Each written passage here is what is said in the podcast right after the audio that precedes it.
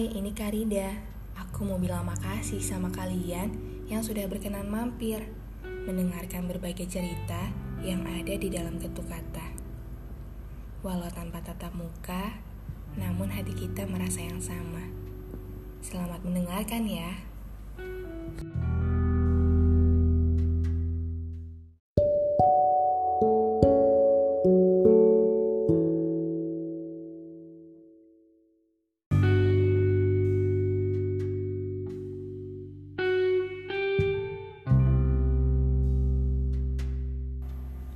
Begitu banyak jenis perasaan yang manusia miliki. Perasaan bahagia yang ditunjukkan melalui gelak tawa, atau perasaan duka yang diiringi air mata yang bercucuran. Rasa itu juga bukan hanya sebatas suka dan duka. Ada perasaan lain yang tidak kalah bersikeras untuk hadir dalam hidup, dalam setiap perjalanan cerita dan cinta. Perasaan resah, cemas, dan takut. Baik secara sadar maupun tidak sadar, kita lebih sering membiarkan ketiga perasaan itu tinggal, berlama-lama memainkan hati.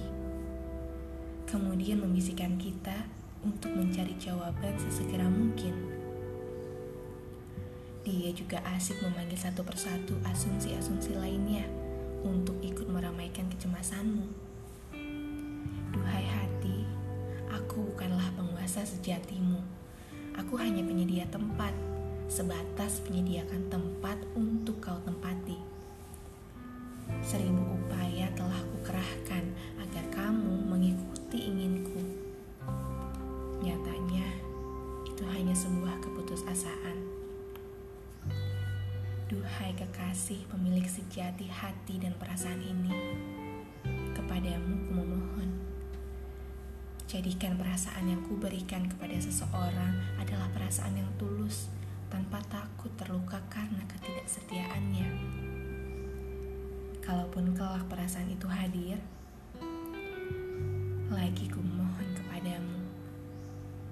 Tolong jadikan aku menjadi sosok yang tidak menyalahi setiap keputusan dan takdir yang kau persiapkan. Engkaulah pemilik hati perasaan, dan hidup yang kujalani. Tanpa harus kuceritakan kembali tentang aku dan masa laluku, tentang cerita dan harapanku yang kau ubah tiba-tiba empat tahun silam. Bagaimana caramu memintaku kembali kepadamu? Kau merindukanku. Merindukan setiap tetes air mata, juga harapan yang sebelumnya kubisikan padamu. Tidak ada perasaan benci dan marah kepadaku kala itu. Kau terima aku. Mendengarkan curahan kekecewaanku pada salah satu makhlukmu. Kau dengarkan satu persatu doa dan harapanku tanpa rasa bosan. Terima kasih. Engkaulah sebaik-baik pendengar. Bukankah mencintai dia sang maha cinta adalah keputusan terbaik? Sebab tidak akan pernah kau merasakan yang namanya kecewa. Lantas, apakah aku memutuskan untuk tidak mencintai manusia lainnya? Tidak, aku mencintai mereka.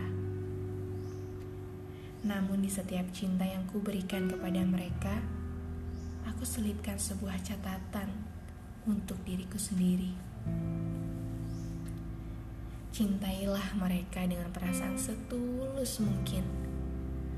Maka Tuhan akan menghadiahkan cinta dan kebahagiaan atas ketulusanmu.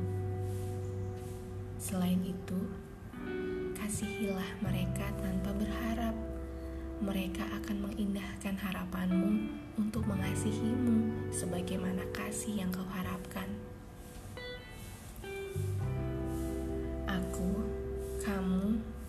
Manusia lainnya tidak bisa menepati untuk tidak saling melukai. Tapi kita bisa, kita bisa saling menghargai dan mensyukuri setiap kasih yang Tuhan tumbuhkan di hati kita masing-masing.